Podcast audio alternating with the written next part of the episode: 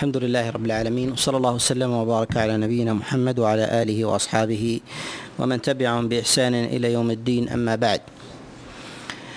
فهذا المجلس الخاتم من سورة الأعراف نتكلم بإذن الله عز وجل على ما تبقى من أحكامها. وهذا المجلس هو في غرة شهر ذي الحجة من من العام السادس والثلاثين بعد الأربعمائة والألف. وأول هذه المجالس هو في تفسير قول الله جل وعلا وقطعناهم اثنتي عشرة أسباطا أمما. ذكر الله عز وجل الأسباط. والأسباط هم ذرية يعقوب بن إسحاق, إسحاق بن يعقوب. وما ذكر الله عز وجل بعد ذلك وما ذكر الله سبحانه بذرية يعقوب بن إسحاق وما ذكر الله عز وجل بعد ذلك من نسلهم فإنهم يرجعون إلى إلى أولئك الأسباط فكل سبط يتبع إليه أقوام وطوائف. فسمي الأسباط. في هذه الآية ذكر الله عز وجل حال موسى حال موسى مع تلك الأقوام المقسمين. وذلك أن الله جل وعلا لما جعلهم في التيه واستطعموا أطعمهم واستقوا فسقاهم الله عز وجل. وذلك أن الله عز وجل قد فجر لهم اثنتي عشرة عينا. وذلك في قول الله جل وعلا فانبجست منه اثنتا عشرة عينا والانبجاس والانفجار بمعنى بمعنى واحد وذلك أن الله سبحانه وتعالى وذلك أن الله جل وعلا قد جعل ذلك بقدر كل سبط ومن معه فجعل ذلك على السواء فيما فيما بينهم. وتقدم الإشارة معنا في آخر الدرس السابق. الكلام على إرجاء هذه الآية وأن فيها معنى من المعاني أن الله عز وجل قد جعل الأعين بعددهم. وفي ذلك إشارة إلى مشروعية العدل في العطية العدل في العطية والتسوية والتسوية في ذلك. فكانت الأعين بعددهم فكانت الأعين آه، بعددهم. و قد أشار إلى هذا المعنى غير واحد من السلف. جاء ذلك عن عبد الله بن عباس فيما رواه عكرمة وكذلك أيضا سعيد بن جبير عن عبد الله بن عباس ومجاهد بن جبر وغيرهم أن الله جل وعلا قد جعل لكل سبط عينا قد جعل الله عز وجل لكل سبط عينا يشرب هو ومن معه يشرب هو ومن معه. وكذلك أيضا نجد أن الله سبحانه وتعالى حينما ذكر آه، فجر الأعين آه، لهم ذكر الله عز وجل جملة من المصالح التي تتحقق بذلك والمفاسد التي تدفع تدفع بذلك. وقد تقدم في سورة البقرة آه، تكرار لمعنى هذه الآية. وتضمنت أن الله عز وجل قد ذكر علة مدفوعة. وذلك في قول الله جل وعلا كلوا واشربوا من رزق الله ولا تعثوا في الأرض مفسدين. فذكر الله سبحانه وتعالى الفساد أنه يدفع وذلك بما قسمه الله جل وعلا لهم بما قسمه الله عز وجل لهم من العطية من الطعام وكذلك أيضا الشراب. ويتضمن هذا آه، ما تقدم معنا في سورة المائدة من الإشارة آه، من الإشارة إلى معنى من المعاني. وهو مشروعية جعل النقباء والعرفاء في الناس. مشروعية جعل النقباء والعرفاء في الناس. وذلك أن النقباء والعرفاء هم الذين يجمعون الناس ويؤلفون ويؤلفون قلوبهم وكذلك أيضا يعلمون أحوالهم ويرفعونها إلى السلطان وذلك أنه لا طاقة للسلطان بمعرفة جميع أحوال الناس. بمعرفة جميع أحوال الناس وذلك لكثرة الأفراد وربما تباعد البلدان والأقطار فيحتاج إلى جعل نقباء وكذلك عرفاء. فالله سبحانه وتعالى حينما جعل هذه الأعين تنفجر ولى على كل عين سبطا. ولى على كل عين سبطا وهو شبيه بالنقيب وهو شبيه بالنقيب. وعلى هذا نقول إنه يشرع أن يجعل الحاكم على الناس وبلدانهم وكذلك أيضا جماعاتهم نقباء آه، يقومون ويلون ويلون أمرهم. فإن في ذلك فإن في ذلك جمعا لكلمتهم ونزعا أيضا للشر الذي ربما يقع. يقع بينهم وفي ذلك أيضا دفعا لفتنتهم ووقوع النزاع فيهم وكذلك أيضا جلبا للإصلاح عند وقوع الفتنة والشر والشر بينهم. كذلك أيضا فإنه يكون في هؤلاء النقباء يكون في هؤلاء النقباء من العدل وكذلك أيضا ما يكون فيهم من صلاح الأمر ما تقدم الإشارة إليه مما يغني ذكره وذلك مما أشرنا إليه في سورة في سورة في سورة المائدة. وكذلك أيضا لا يكون لهم شوكه بحيث ينازعون الحاكم أمره بحيث ينازعون الحاكم أمره وإنما ما يتحقق بهم المصلحة مما يتحقق بهم المصلحة وذلك بمعرفة أحوال الناس. ولهذا يسمون ولهذا يسمون بالعرفاء أي الذين يعرفون أحوال الناس. يعرفون أحوال الناس فإذا سأل الحاكم عن الناس أنبأوه بفقرهم وغناهم وكذلك أيضا بمحبتهم وبغضهم وما وما يرغبون وما لا يرغبون. وكذلك أيضا فإن الناس إذا سألوا العرفاء أنبأوه بما أنبأهم بما يريد السلطان فإنهم أيضا لا يعلمون لا يعلمون دواخل أمره وكذلك أيضا مقاصده وغاياته. ونشير إلى معنى من المعاني وهو أن الله سبحانه وتعالى قد جعل المال بيد الحاكم والسلطان وذلك أن مقامه بمقام بمقام الخازن والنائب. ولهذا النبي صلى الله عليه وسلم يقول إنما أنا قاسم وفي رواية إنما أنا خازن. فجعل النبي صلى الله عليه وسلم مقامه في أمر المال كمقام الخازن والقاسم. وذلك أنه يعطي على نحو ما أمر أي ما أمره الله جل وعلا. لا يكون ذلك بحسب ما يريد ما يريد الناس. وعلى هذا نقول إنه يجب من جهة الأصل في العطية أن يساوي الحاكم في العطية بين الناس. هذا من جهة الأصل. وله أن يخرج عن ذلك بضوابط شرعية. بضوابط شرعية قد دل الدليل الدليل عليها يأتي الإشارة إلى هذا المعنى. ويدل على عصمة المال العام وضبطه ما جاء في قول النبي صلى الله عليه وسلم من حديث خوله وفي الصحيح. قال عليه الصلاة والسلام إن أقواما يتخوضون في مال الله بغير حق فلهم النار. يتخوضون في مال الله. المراد بالتخوض آه، هو إدارة الشيء من غير آه، من غير إتقان. إدارة الشيء من غير من غير إتقان. وذلك أن يخاض آه، تخاض القدم بالماء وذلك حتى يخرج طينه ووحله وقدره ويختلط بعضه ببعض من غير من غير تمييز. فذكر التخوض في ذلك في أمر الماء. وذكر التخوض كذلك أيضا في أمر المال للمشابهة بينهما للمشابهة بينهما. فنقول إن الأصل في ذلك أن تكون العطية على على السواء. وهل له أن يخرج عن ذلك؟ وهل له أن يخرج عن ذلك أم لا؟ نقول له أن يخرج عن ذلك بما يصلح بما يصلح الناس لا بما يهوى. بما يصلح الناس لا بما بما يهوى. فالنبي صلى الله عليه وسلم قد أعطى أقواما ولم يعطي آخرين وذلك لصالح الذين يعطيهم في دينهم ودنياهم.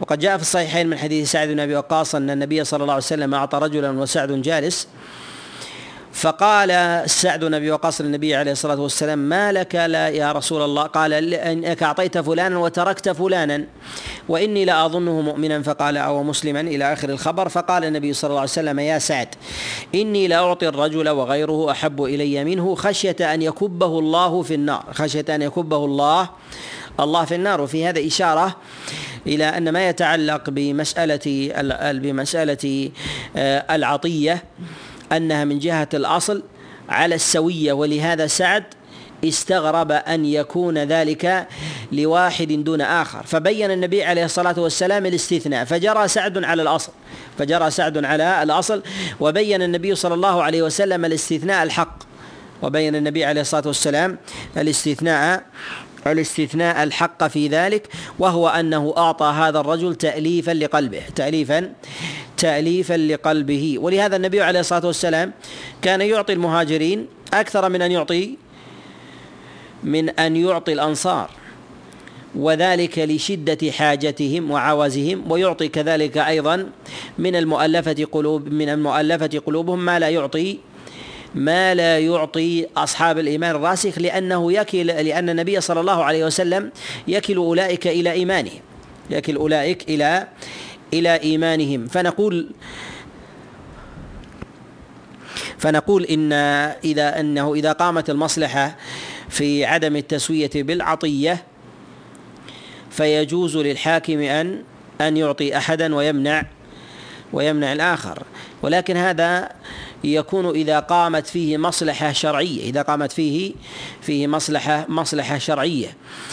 وإذا لم تقم فيه مصلحة شرعية وقامت فيه مصلحة دنيوية فهل يجوز له أن يفضل أحدا على آخر؟ أن يفضل أحدا أحدا على على آخر.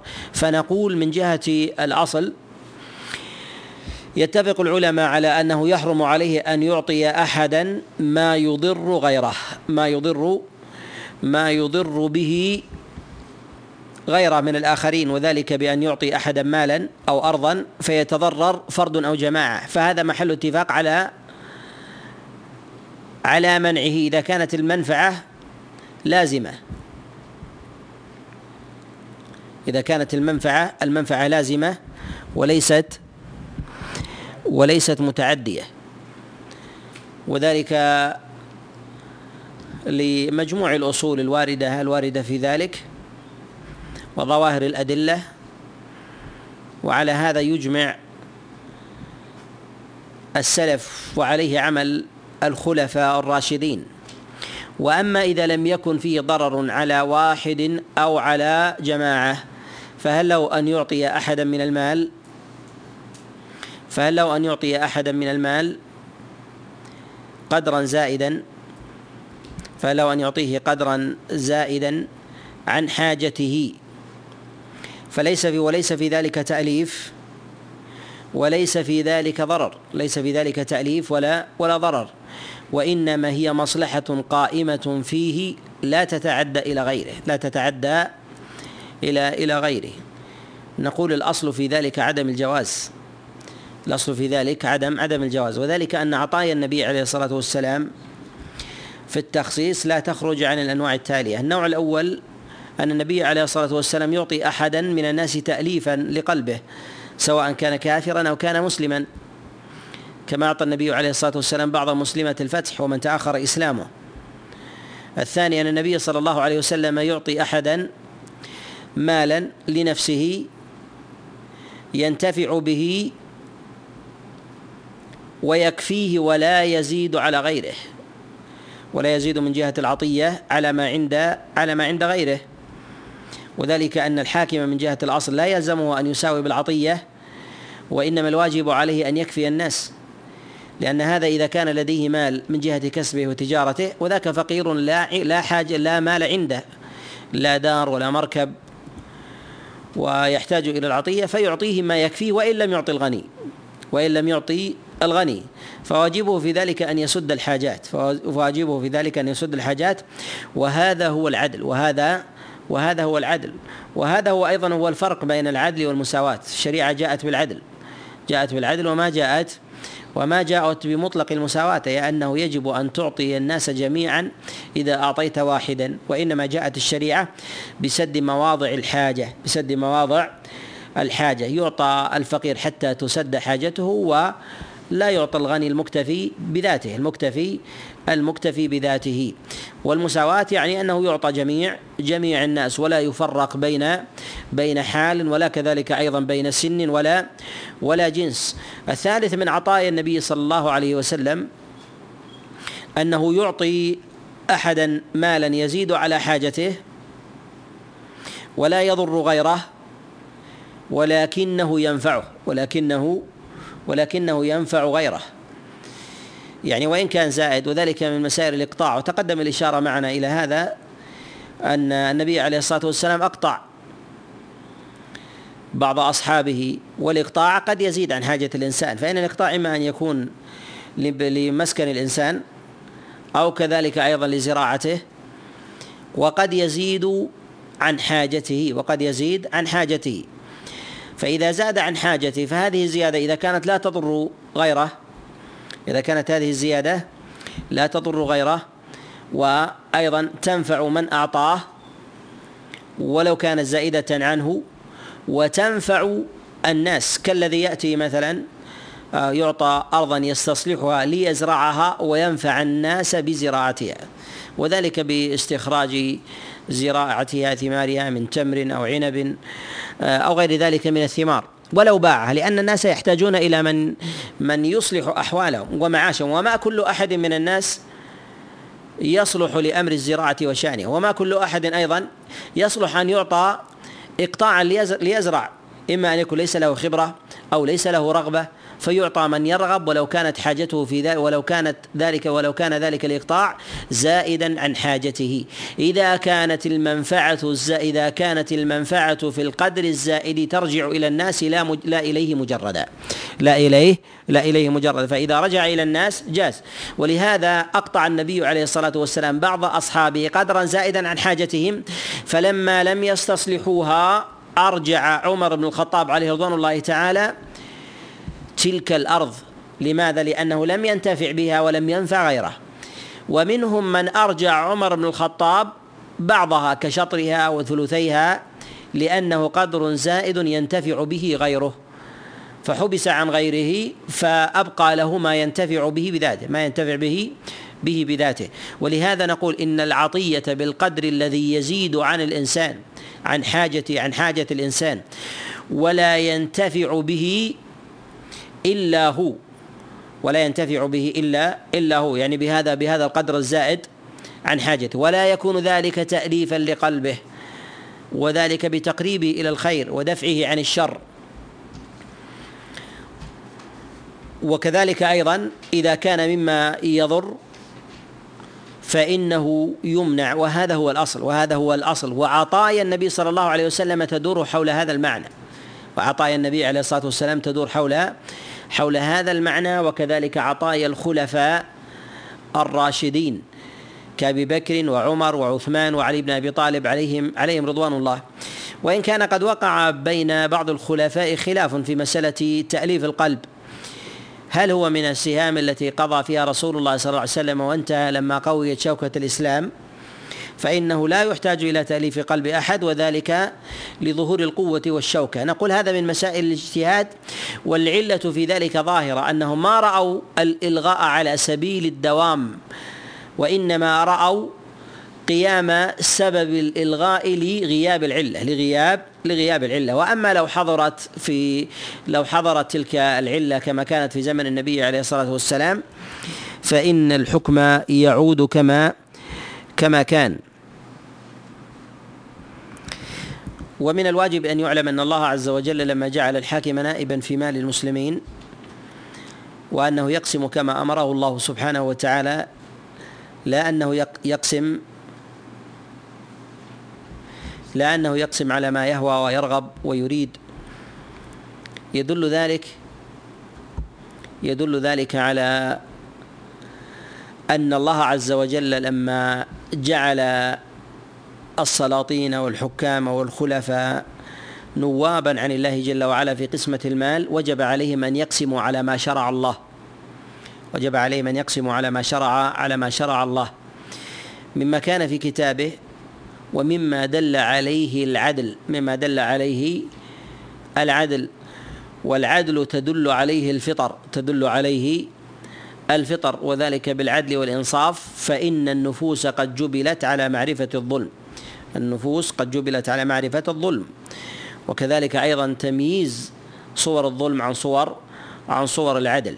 وهذا لا تختلف فيه النفوس من جهة الإجمال وإن اختلفت في بعض صوره مما يعتريه مثلا للبس والظن أو ربما يعتري بعض النفوس الهوى لطمع أو رغبة أو غير أو غير ذلك. ولهذا كان السلف يفرقون بين بين الملوك والخلفاء. ويجعلون أن المال أن المال من أمارات التمييز بينهم وأن وأن الملوك هم الذين يقسمون المال على ما يريدون لا على ما يريد الله جل وعلا. ولهذا سلمان الفارسي قال لعمر بن الخطاب لما سأله عن الفرق بين الخليفة والملك والخلفاء والملوك قال الملك هو الذي يقسم المال على ما يريد. يقسم المال على على ما يريد. وأما الخليفة الذي يقسم المال على ما يريد الله على ما يريد الله جل وعلا. فيكون ذلك من فيكون ذلك من أماراته.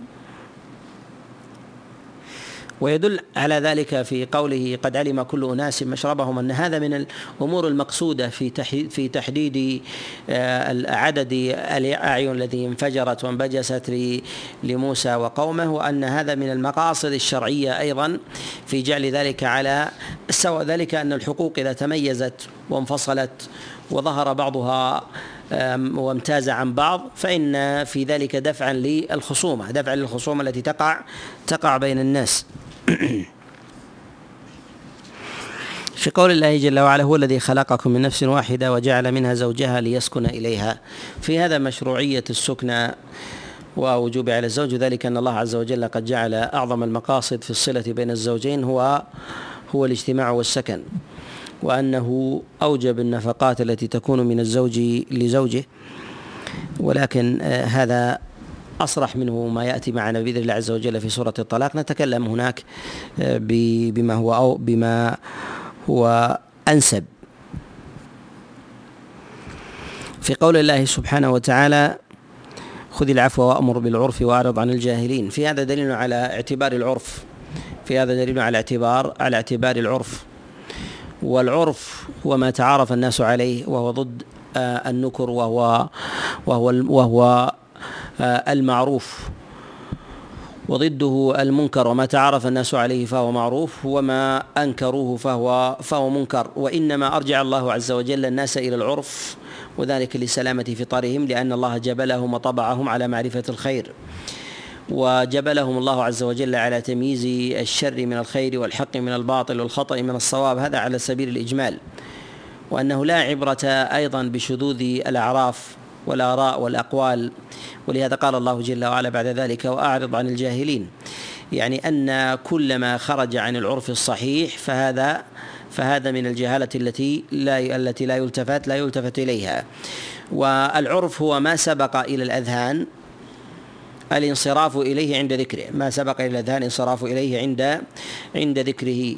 وذلك أنه يزيل الإشكال عند الإجمال. وذلك في العقود والألفاظ وكذلك أيضا في أمور الأموال فإن الأعراف تميز فإن الأعراف الأعراف تميز.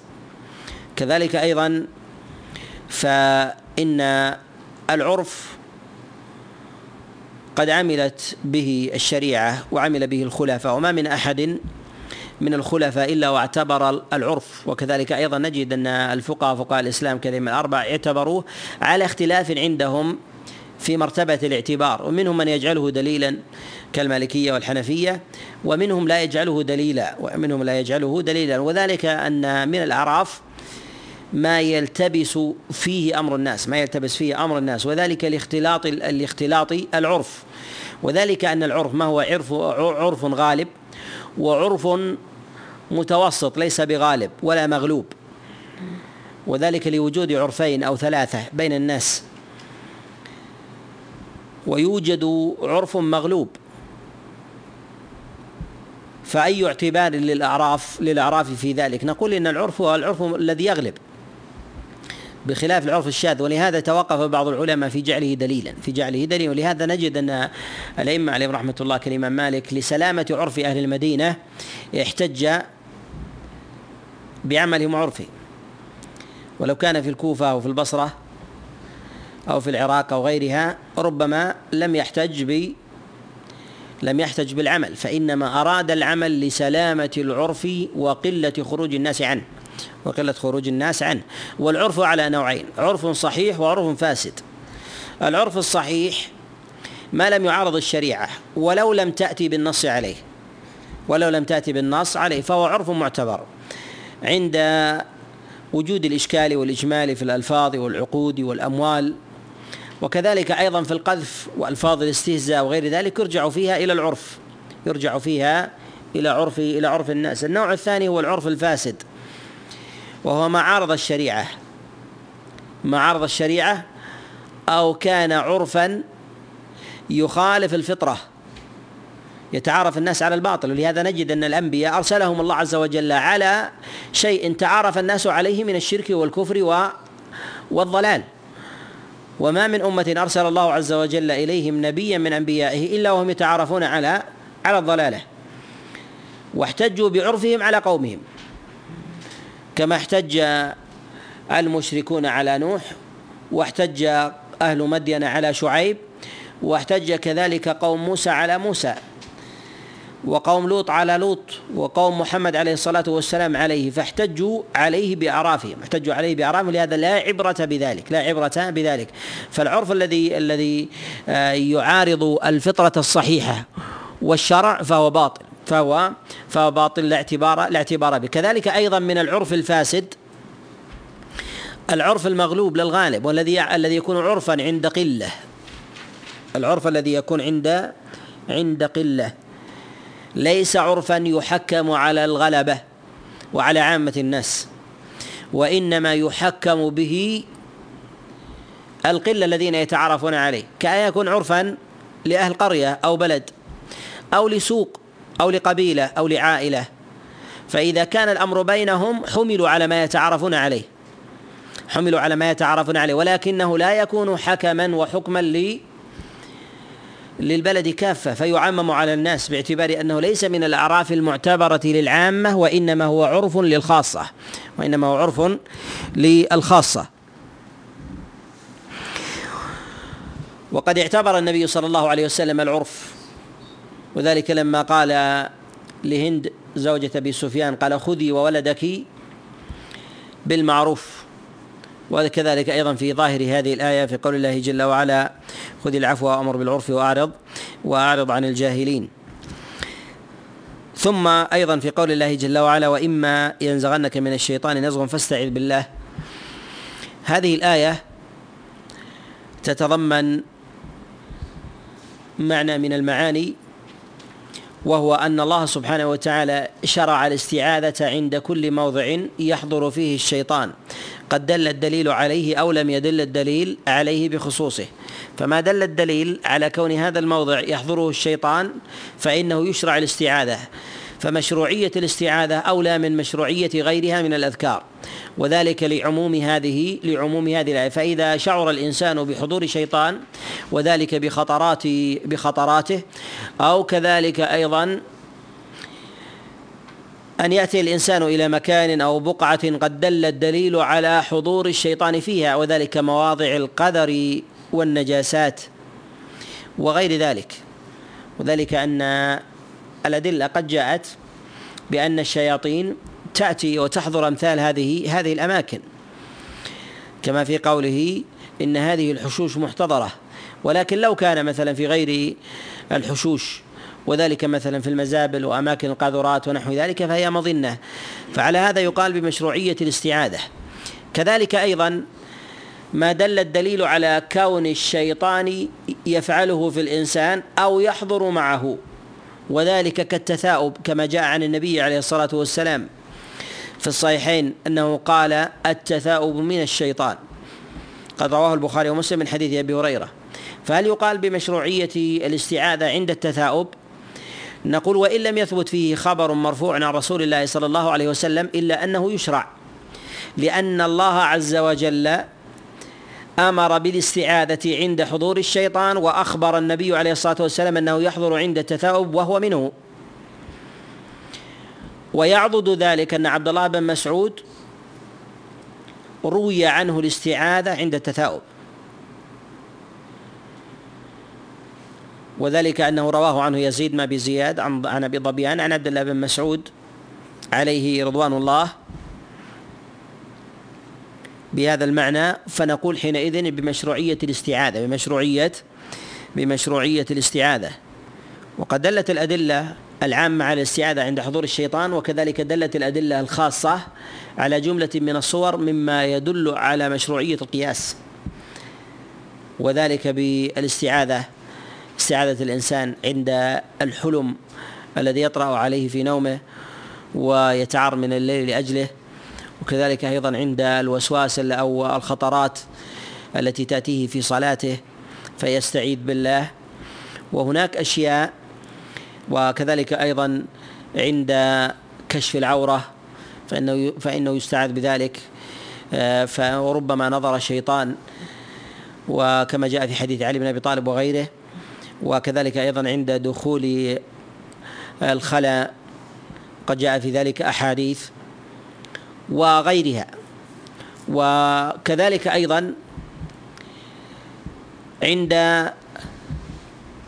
ورود خطرات السوء وسوء الظن بالله. وذلك أن يتفكر الإنسان بشيء من أمر الله عز وجل وشرعه. مما لا يجوز للإنسان أن يتفكر به فذلك من الشيطان فعليه أن يستعيذ بالله. وقد جاء ذلك في حديث حذيفة وغيره.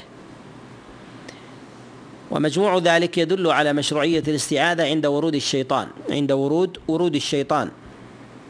وهناك أدلة قد دلت على مشروعية الاستعاذة والعلة في ذلك آه، تعبدية وذلك مشروعية الاستعاذة عند قراءة القرآن. ومعلوم أن قراءة القرآن هي في ذاتها تطرد الشيطان. فشرع الله عز وجل الاستعاذة إما تهيئة لإبعاد الشيطان أو كذلك أيضا لإبعاد وساوس وخطرات الشيطان. أن تلبس على الإنسان قراءته وأن ترد له من المعاني ما لم يرده الله جل وعلا من معاني السوء. أو غير ذلك من المعاني والله أعلم بها. ثم في قول الله جل وعلا وإذا قرئ القرآن فاستمعوا له وأنصتوا لعلكم ترحمون. أمر الله عز وجل بالاستماع للقرآن عند قراءته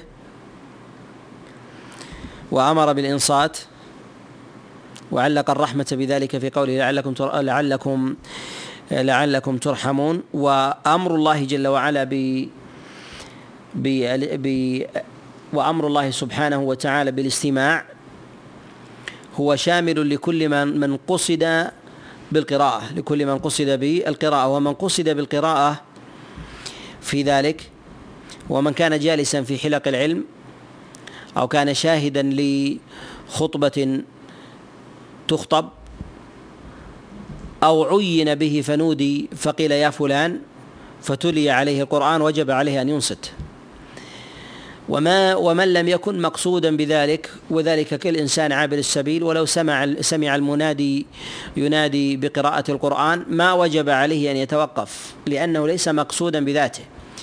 وكالذين يسمعون من الأئمة في المساجد وهم في خارج في خارج المسجد لم ليسوا بمقصودين. كذلك أيضا ما يسمع من أجهزة التسجيل وغير ذلك فإنه ليس ليس مقصودا. كذلك إذا كان الإنسان في المسجد ويسمع احدا يقرأ لنفسه لا له فإنه ليس ملزما ب بالإنصات. فله أن ينشغل بقراءته وله أن ينشغل بذكره الخاص أو بعبادته من صلاة ونحو ذلك وليس مأمورا ب بالإنصات وليس مأمورا بالإنصات. وقول الله جل وعلا هنا وإذا قرئ القرآن فاستمعوا له وأنصتوا. نقول هذه الآية قد نزلت قد نزلت في الصلاة قد نزلت في الصلاة وقد حكى الإجماع على ذلك الإمام أحمد رحمه الله. وفي هذا إشارة إلى مسألة من المسائل وهي قراءة المأموم خلف الإمام في الصلاة الجهرية. نقول لا يختلف العلماء على مشروعية القراءة في الصلاة السرية خلف المأموم خلف الإمام. فضلا عن أنهم يجمعون على قراءة المنفرد. وكذلك أيضا فإن المأموم إذا كان يصلي خلف إمام في صلاة جهرية ولكنه لا يسمعه لبعد مكانه أو لعلة اعترت الإمام أو سهو سهى عن معرفة أن هذه الصلاة جهرية فلم يقرأ فقرأ في سره فإنه يقرأ من خلفه لكون الحكم تحول من جهرية إلى إلى سرية. والحكم هنا يتعلق بالصلاة الجهرية إذا كان خلف خلف الإمام من يسمعه فعليه أن ينصت. وقد اختلف العلماء في هذه المسألة على أقوال ثلاثة. في مسألة الصلاة الجهرية هل يقرأ المأموم أو لا يقرأ خلف الإمام؟ اختلفوا في هذه المسألة على أقوال ثلاثة. ذهب جمهور العلماء ذهب جمهور العلماء إلى أن المأموم لا يقرأ خلف الإمام في الصلاة الجهرية. وهذا القول هو الذي ذهب إليه أبو حنيفة ومالك والشافعي في أحد قوليه. والإمام أحمد رحمه الله ورجحه جماعة كابن تيمية وغيره. وذلك أنهم استدلوا بما جاء عن رسول الله صلى الله عليه وسلم من حديث أبي هريرة في السنن. قال عليه الصلاة والسلام إنما جعل الإمام ليؤتم به. قال وإذا قرأ فأنصتوا. وأصل الحديث في الصحيح من حديث أبي موسى. أن النبي صلى الله عليه وسلم قال إنما جعل الإمام ليؤتم به. قال فإذا قرأ فأنصتوا ولم يخرج البخاري رحمه الله هذه الزيادة. ومنهم من تكلم عليها ولكن نقول إن عمل عامة السلف من الصحابة على ذلك إلا شيئا يروى عن أبي هريرة عليه رضوان الله بالقراءة خلف الإمام في الصلاة الجهرية وله قول يوافق فيه عامة الصحابة عليهم رضوان الله في الإنصات خلف الإمام في الصلاة الجهرية. والقول الثاني هو الذي ذهب إليه الظاهرية وهو المشهور عند الشافعية إلى أن المأموم يقرأ خلف الإمام في الصلاة الجهرية على سبيل الوجوب. قال وذلك لعموم الأدلة الواردة عن النبي عليه الصلاة والسلام في قوله لا صلاة لمن لم يقرأ بفاتحة الكتاب واللفظ عام للمأموم والإمام والمنفرد. ونقول إن هذا العموم مقيد بما جاء عن رسول الله صلى الله عليه وسلم من حديث وكذلك أيضا بظاهر القرآن. وكذلك أيضا بعمل عامة أصحاب النبي صلى الله عليه وسلم وجماهير وجماهير التابعين. كذلك أيضا فإنهم يحتجون بحديث عبادة بن الصامت عليه رضوان الله كما جاء في السنن أن النبي صلى الله عليه وسلم قال لعلكم تقرؤون خلف إمامكم لا تفعلوا إلا بفاتحة الكتاب. وهذا الحديث لا يصح. وذلك أنه معلول بعدة علل منها الاضطراب في إسناده وقد أعله الإمام أحمد رحمه الله وغيره من النقاد. القول الثالث قالوا باستحباب القراءة وعدم وجوبها. والذين يقولون بالوجوب ويقولون بالاستحباب يتفرع في أقوالهم أقوال منهم من يقول يقرأ مع الإمام ولو قرأ ومنهم من يقول إنه يقرأ بين سكتات الإمام إن وجد سكتات. وإن تعذر عليه فإنه يقرأ مع قراءة الإمام. ولو لم يكن في المسألة إلا تعليل لكان كافيا في التخصيص وذلك أن الإنسان مأمور بالاستماع وهو مقصود بالقراءة. فإذا كان الإمام يجهر بالقراءة فيقرأ لمن؟ إذا لم يكن المأموم مقصودا بالقراءة. فنقول إن المأموم مقصود بالقراءة فيجب عليه الإنصات. وإذا قيل بأن الإمام يقرأ والمأموم يقرأ فما هو القدر الذي يقرأ به المأموم مع الإمام؟ فهل يقرأ طول الصلاة إذا كان يقرأ إذا يقرأ مثلا من الليل؟ فأراد أن يقوم الليل كمن يقوم مع الإمام التراويح. أو إذا كان الإمام يقرأ الطوال كالفجر ونحو ذلك فيطيل في القراءة. هل المأموم يقرأ طول تلك الصلاة ويشرع له أم يقيد بقيد؟ وما هو الدليل على ذلك القيد؟ فإذا قيل بالوجوب فإنه يقال بالمشروعية من باب أولى أن يشرع له أن يقرأ. فلا يوجد حينئذ معنى لقراءة الإمام وجهره بقراءته طيلة صلاته ولو أطالها. ولهذا نقول إن المترجح في ذلك ما وافق مجموع الأدلة وهو أن المأموم لا يقرأ خلف خلف الإمام الصلاة الجهرية. وأما إذا كانت سرية فإنه يقرأ ومن باب أولى إذا كان منفردا إذا كان إذا كان منفردا. وذلك إن وذلك أن أولى ما تنطبق عليه الأدلة في الخطاب في قوله عليه الصلاة والسلام لا صلاة لمن لم يقرأ بفاتحة الكتاب أنه يشمل المنفرد والإمام. ويتفرع أيضا عن أقوالهم ممن قال بالوجوب أو المشروعية منهم من يقول بوجوب الفاتحة دون غير بوجوب الفاتحة دون غيرها عند من قال بوجوب غيرها وعند من قال بمشروعية غيرها. بمشروعية بمشروعية غيرها. وذلك أن من العلماء من يسوي في القراءة بعد الفاتحة. وذلك أنه يقول إذا قرأ المأموم خلف الإمام الفاتحة وجوبا فإنه يستحب له كما لو كان منفردا أن يقرأ سورة معها ولو كان خلف الإمام. ومنهم من يقتصر على وجوب الفاتحة وهم الأكثر ويقولون لا يقرأ فيما عداها باعتبار أن الاستماع أن الاستماع أولى ويسقط في صلاته الواجب عليه. والأظهر في ذلك أنه يجب عليه والأظهر في ذلك أنه يجب عليه الإنصات. لظاهر القرآن وحكاية الإجماع في ذلك أن هذه الآية إنما نزلت في الصلاة. وكذلك أيضا لحديث أبي هريرة وحديث أبي موسى الثابت في الصحيح. نتوقف عند هذا القدر ونشرع بإذن الله عز وجل في المجلس القادم بسورة الأنفال. أسأل الله عز وجل أن يوفقني وإياكم إلى الهدى والتقى والرضا وأن يجعلنا من أهل التوفيق والتسديد وأن يجعلنا ممن يستمع القول ويتبع أحسنه. صلى الله وسلم وبارك على نبينا محمد.